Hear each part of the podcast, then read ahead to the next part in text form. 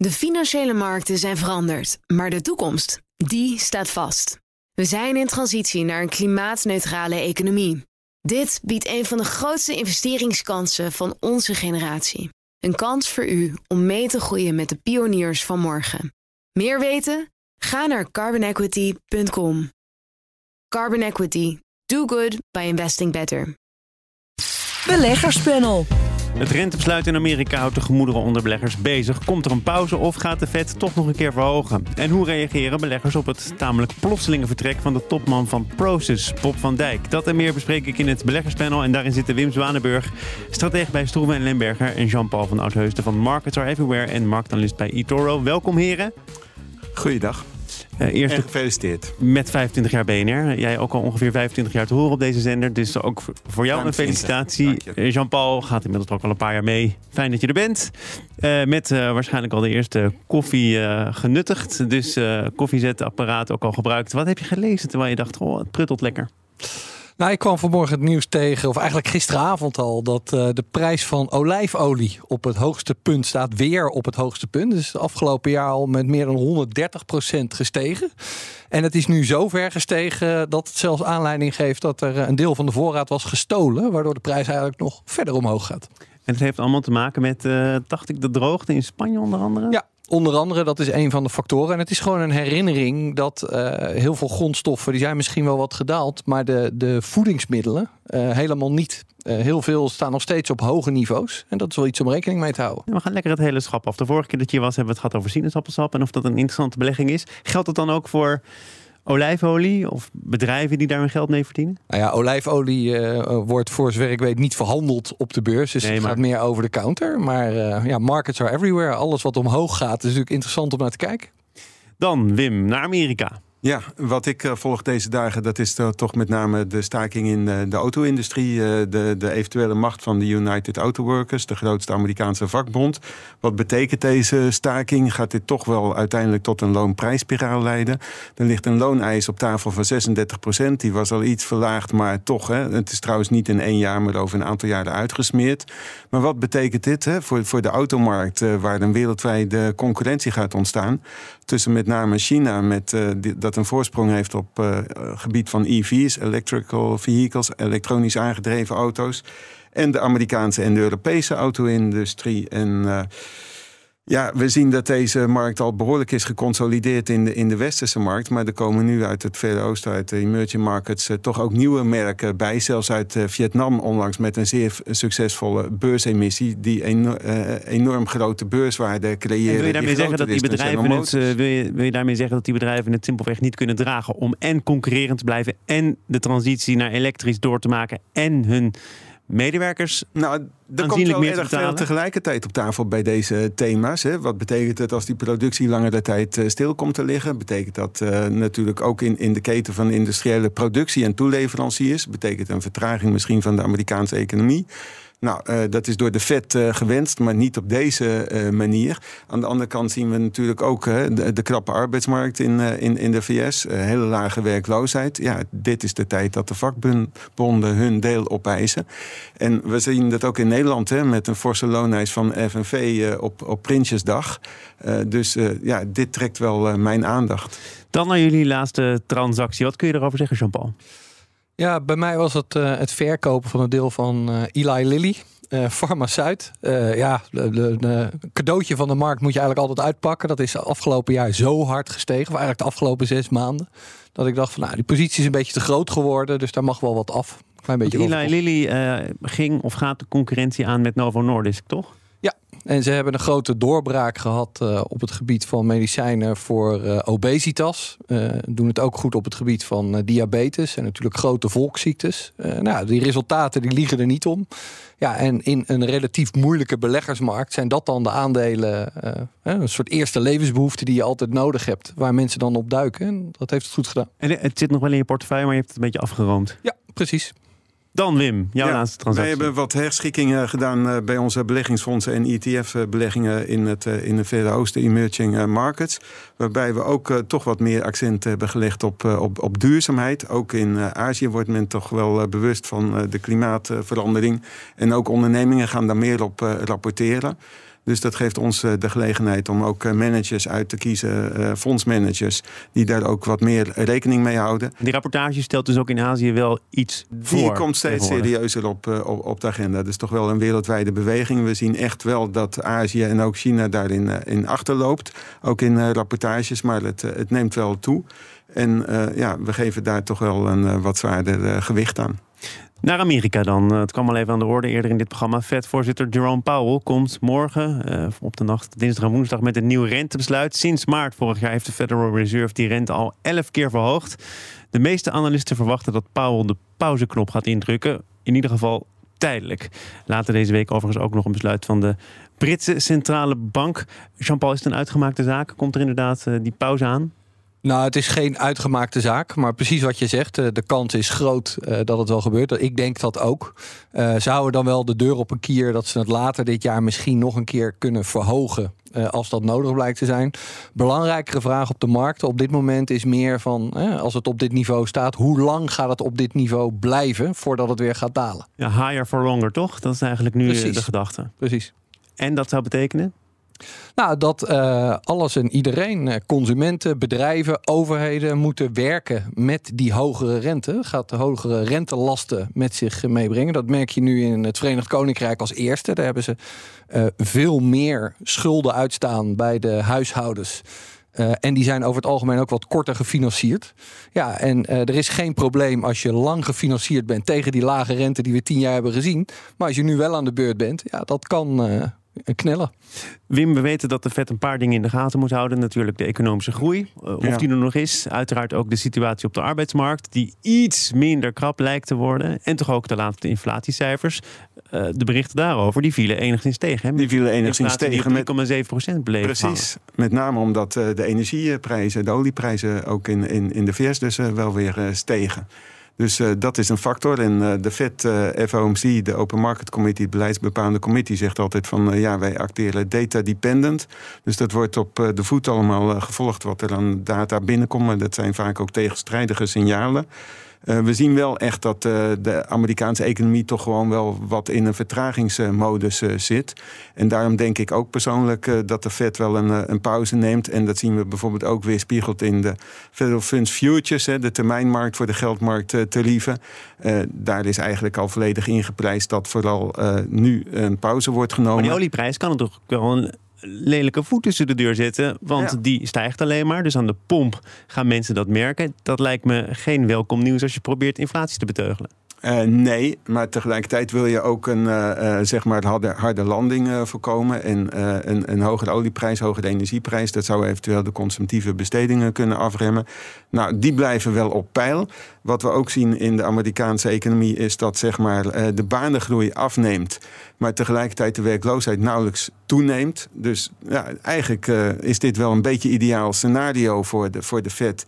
En daarom denk ik dat ze toch wel op nu een, een, een pauze nemen. En dat is dan een pauze ten opzichte van die eerdere elf verhogingen. Wat belangrijk is, wat Jean-Paul net ook aanhaalde, wat gebeurt er dan in de rest van het jaar? En al vooruitlopend, wat gebeurt er in 2024? Hè? Wat, wat wordt er verwacht? Er komt ook een dotplot, geloof ik, hè, van wat ja, ja. de komende periode in de pijplijn zit.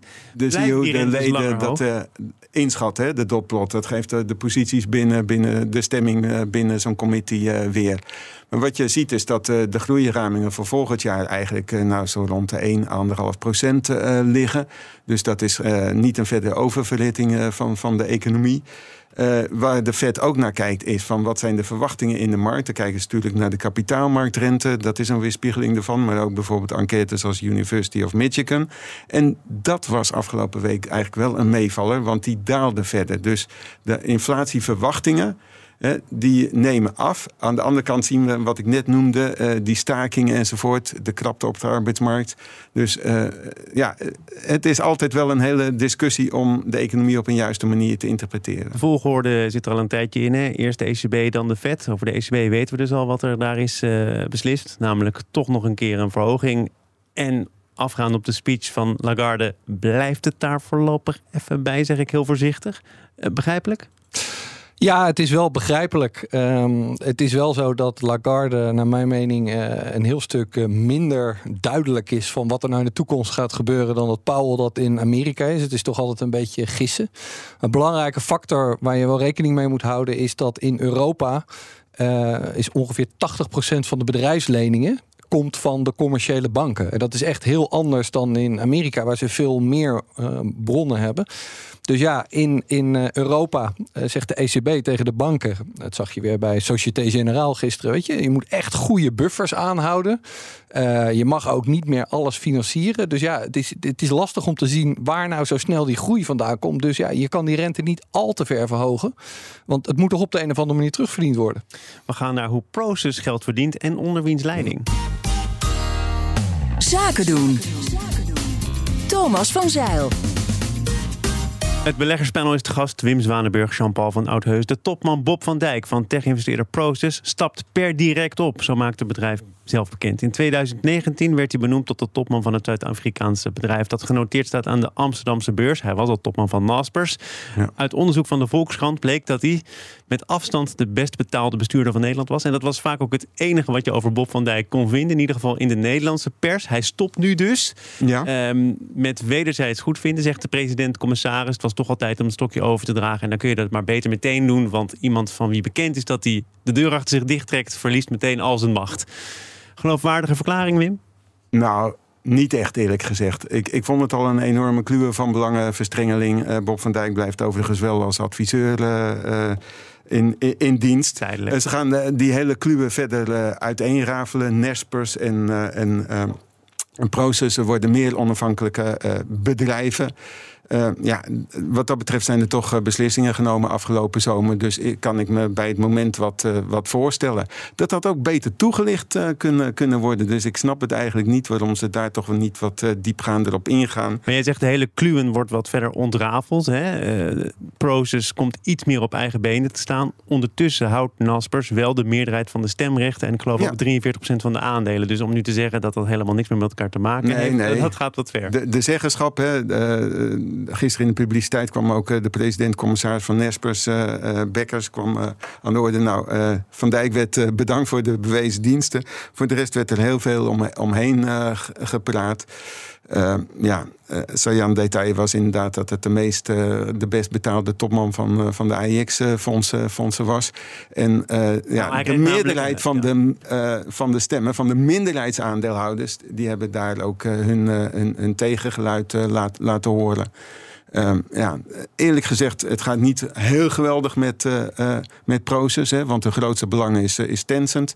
Nou, de Chinese techwaarden die staan al langere tijd onder, onder druk. En ook met de rest van de investeringen wil het niet echt lukken. ze wilden in de tijd Just Eat ook overnemen. nou, dat, die slag hebben ze verloren van, van Takeaway. Dus uh, ja, eerlijk gezegd, ik vind het wel um, goed dat er na tien jaar ook uh, een wijziging Maar had het allemaal toch wat beter gekund gisteren dan? Als je dat bekend maakt, had dat beter toegelicht mogen worden? Ja, het kan, maar aan de andere kant, uh, die persberichten die laten zichzelf wel uh, lezen. Toch? Hij heeft het uh, tien jaar gedaan, wat overal wordt gezegd. En ik denk dat dat klopt. Het is een, een vrij complexe constructie opgetuigd hè, met over en weer belangen. Ja, kijk, die president-commissaris Koos Becker die heeft een hele grote grap uitgehaald in 2001. Want toen uh, trad China net toe tot de Wereldhandelsorganisatie. En toen kocht hij 46% van Tencent. Ja. Maar uh, de, de doorn... even geramd. Ja, alleen de doorn in het oog was dat, dat de totale portefeuille van beleggingen... die werd maar niet meer waard dan het belang van Tencent. Nou, Bob van Dijk heeft de kans gehad om dat aan te pakken en het voor elkaar te krijgen. Ze zijn het aan het afbouwen, hè, dat belang in Tencent. Ja, ze zijn dat aan het afbouwen. Dat is ook een van de factoren. Maar dat heeft trouwens ook mee te maken dat de rest van die portefeuille... waar je niet zo heel veel van ziet, heel veel van die dingen zijn niet beursgenoteerd. Maar dat is wat Jochem net zei. Uh, er zitten veel jonge groeibedrijven bij. Ja, die, die zie je op de beurswaarde niet terug. Maar die staan natuurlijk ook onder water. Dus ze hebben natuurlijk ook wel wat geld nodig. Uh, om uh, de hele toko gefinancierd te houden. Kijk, nu lijkt het allemaal goed in overeenstemming te zijn. Beide partijen kunnen er prima mee leven. Maar er wordt een interim CEO aangesteld, meneer Toe. En die heeft tegen Reuters al gezegd dat hij die investeringsportefeuille stevig tegen het licht gaat houden. De portefeuille vereist nog veel werk. Het rendement is niet goed genoeg voor ons en ook niet voor onze aandeelhouders. Dat klinkt toch niet alleen maar als een luid applaus richting meneer Van Dijk? Nee, dat is het dus ook niet. En uh, ik denk dat uh, die, die meneer Toe die is binnengehaald uh, twee jaar geleden. Komt van Softbank. hey, die kennen we.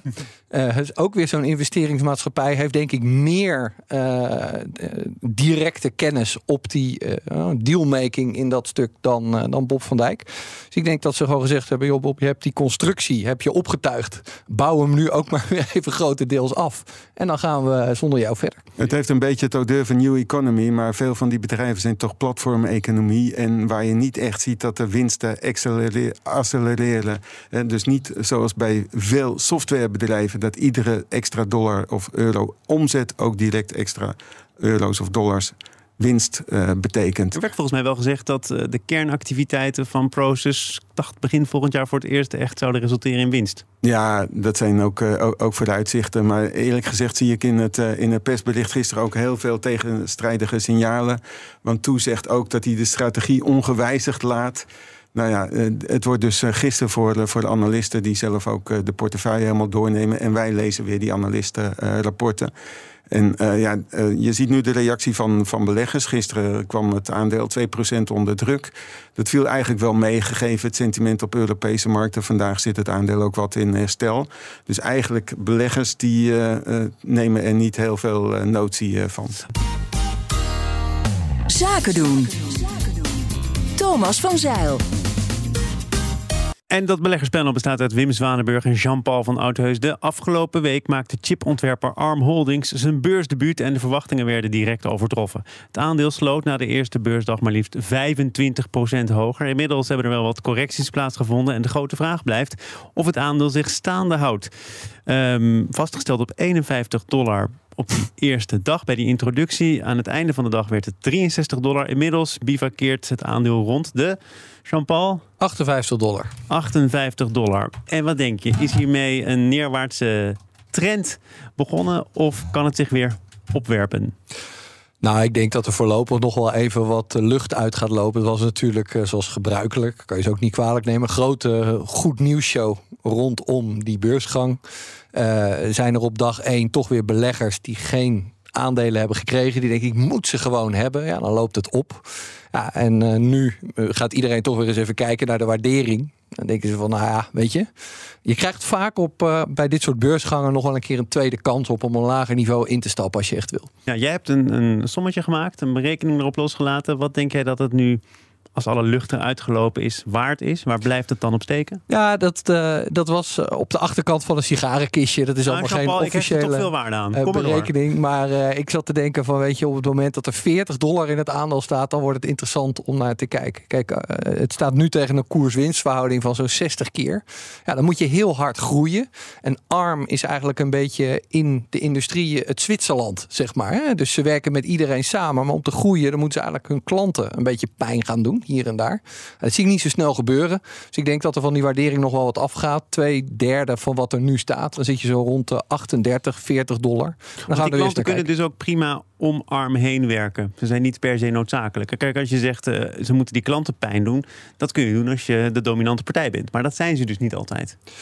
Nou jawel, ze zijn, ze zijn de dominante partij omdat ze uh, dat dus niet doen. Dus er was op een gegeven moment sprake dat Softbank ARM zou gaan verkopen aan Nvidia. En toen zijn er opeens allerlei partijen. Het, het, het alternatief voor ARM is uh, Risk 5 zeg maar. En dat is eigenlijk wat je met Linux hebt bij uh, software. Uh, het is open source, dus dat zou een beetje de concurrent zijn. Maar op dit moment hebben de meeste klanten van ARM... die uh, gaan gewoon voor het gebruiksgemak. Die denken, joh, ik neem gewoon wat daar ligt. Wim, moet er nog Ja, daarom denk ik eerlijk gezegd ook niet dat dat zozeer pijn doet aan, aan de afnemers. Want in de totale kostenketen is dit eigenlijk een heel betrekkelijk gering deel. En zelfs al zouden ze prijs verhogen. En wat natuurlijk bij, bij ARM met name is... dat ze een enorme inkomsten stroom hebben uit uh, royalties, hè, uit de patenten die ze hebben. En uh, het is geen chipproducent, maar een designer. Hè? En uh, de ondernemingen die klant zijn, die hebben geen zin om het allemaal zelf uit te vinden, om het wiel opnieuw uit te vinden. Dus die maken gewoon heel snel gebruik van die chip-processor-technologie. Oh, dus soort luiheid, begrijp ik. Ja, en snelheid telt. De, in die hele keten gelden heel veel schakels en veel andere schakels. Dus er wordt wel gebruik gemaakt. maar goed, wat bij ARM is, is dat er toch wel inderdaad verwachtingswaarde is. Ze moeten de, de transitie nog maken van de mobiele telefonie-componentenmarkt naar de artificial intelligence en naar de PC-markt. Het gaat ook nog om CPU's. Maar er moet nog heel veel gebeuren, begrijp ik. Er moet dus nog heel veel uh, zijn al een beetje mee op wat er op dit moment in de mode is, maar eigenlijk golft het er een beetje achteraan. Ja, er moet, nou, er moet nog heel veel gebeuren. Ik ben zelf ook eh, eerlijk gezegd wel afwachtend. Want als ik kijk naar die huidige waarderingen. Maar uh, goed, afgaande op wat inmiddels analistenrapporten ook aangeven. Een gemiddelde koersdoel van zo 50 à 52. Dus dat zit zo ongeveer ook aan de top van de eerder aangegeven prijsrange bij de uitgifteprijs. Ja, op de dag zelf was het een doorslaand succes. Want toen was er ook onbalans van vraag en aanbod. Het was twaalf keer overtekend. Er werd slechts 5% van de aandelen aange, uh, toegewezen, uh, zeg maar nieuw op de markt gebracht door Softbank. En al een groot deel daarvan was ook al gereserveerd voor de toeleveranciers. Ja, hè, die van die 5 miljard hadden er eigenlijk al weinig nee, mee te zoeken. En, en beleggingsfondsen en IT-ETF's, die doken er toch op. Het is meer echt iets voor de, voor de hele lange termijn. Maar goed, het uh, draagt wel bij aan het positieve sentiment wat er nu is om, omtrent uh, kun, kun je daar wel uh, los van alleen ARM en volgende week Birkenstock iets over zeggen. Namelijk, wacht even een dag of twee en dan betaal je een stuk minder. Betaal je dus eigenlijk bijna altijd te veel bij zo'n beursintroductie, omdat die koers vanzelf wel naar beneden glijdt? Ja, het is natuurlijk geen uh, wet van mede en persen, maar je ziet het heel vaak dat je gewoon nog een tweede kans krijgt. En dat je niet, uh, ja, ja maar niet mensen worden hebberig natuurlijk. Hè? Die willen er op dat moment bij zijn als het feestje begint. Dat kan. Een hobby mag geld kosten. Als je zegt ik wil ze echt heel graag hebben, dan ben je altijd bereid om wat meer te betalen. Maar als je er gewoon realistisch naar kijkt, zou ik nog heel even wachten. Maar twaalf keer overtekend. Er waren volgens mij ook wel wat eh, banken bij betrokken hè? bij die, bij die beurs. Ja, 28 banken. Iedereen wil meedoen. Dat tekent ook wel een beetje die markt voor beursgangen. Dat iedereen zo'n behoefte heeft. Die denkt, ja, als ik dit jaar geen beursgang doe als eh, corporate finance dus bank, hier heb ik eigenlijk geen... Uh, wel ondersteunen. Hè? Dus ik denk dat uh, voor het emissiesyndicaat is dit natuurlijk ook van, uh, van, van groot belang. En ja, ik vind eerlijk gezegd ARM Holdings wel in een andere categorie... dan wat we nu zien met Instacart en Birkenstock. Ik zeg toch nog gewoon Birkenstock, hè, want het is eigenlijk origineel Duits... En, uh, maar in de Amerikaanse uh, term is het altijd Birkenstock. Maar moet ik altijd even denken. Maar uh, goed, de ene emissie- en beursintroductie is de andere niet. Dit is natuurlijk wel iets, een nieuwe technologie. Maar zoals gezegd, heel veel verwachtingswaarde. Ze moeten het nog, nog echt waarmaken.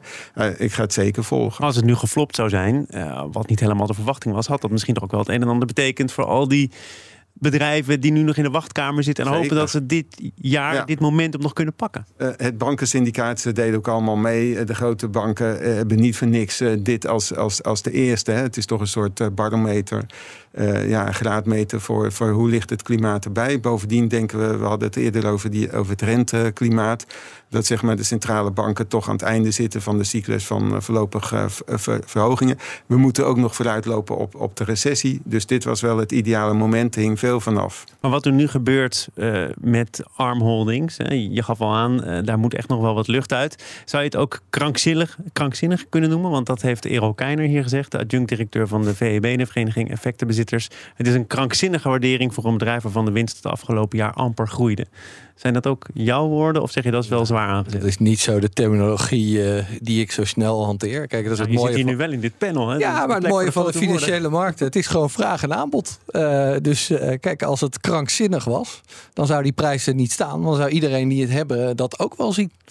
Uh, ik denk ook wat, uh, wat Wim zegt. Weet je, de toekomst ligt nog op het gebied van AI. Hebben ze nog heel veel te ontwikkelen. Dat is natuurlijk prima een verhaal bij te houden als je gewoon de concrete omzet van Nvidia ziet. Om te zeggen, nou weet je, wellicht gaat dat bij ARM toch ook flink stijgen. Is alleen, ik ga daar zelf uh, niet volledig in mee. Maar ik heb wel eens vaker een boot gemist wat dat betreft. Qua business model, qua royalties enzovoort. Het is een gestage groei die alleen maar zal, zal toenemen. En op termijn, op langere termijn zal het de, de koers zeker in zijn jas groeien, zou ik willen zeggen. Dus ik, ik vind het eerlijk gezegd niet zo uh, krankzinnig, want je moet niet hier naar het verleden kijken, maar naar de nieuwe opportunities. Maar opportunities kunnen ook mislukken. En het is overigens zo dat de meeste IPO's inderdaad geen rendement opleveren. Maar dat geldt in zijn algemeenheid voor aandelenbeleggingen, dat slechts een minderheid van het aantal aandelen zeg maar, het rendement van de beurzen opstuwt. En ja, de succesvolle beursgenoteerde bedrijven selecteren, dat is toch nog een, een kunst. Je kan natuurlijk passief uh, beleggen, maar het, uh, het blijft een sport om het marktgemiddelde te verslaan. Er is hier een kunstenaar aan het woord, want als iemand dat kan, dan is het natuurlijk Wim Zwanenburg van Stroeven Lemberger. Dank voor je komst. Bekijk onze rendementen, zou ik zeggen. Kom op.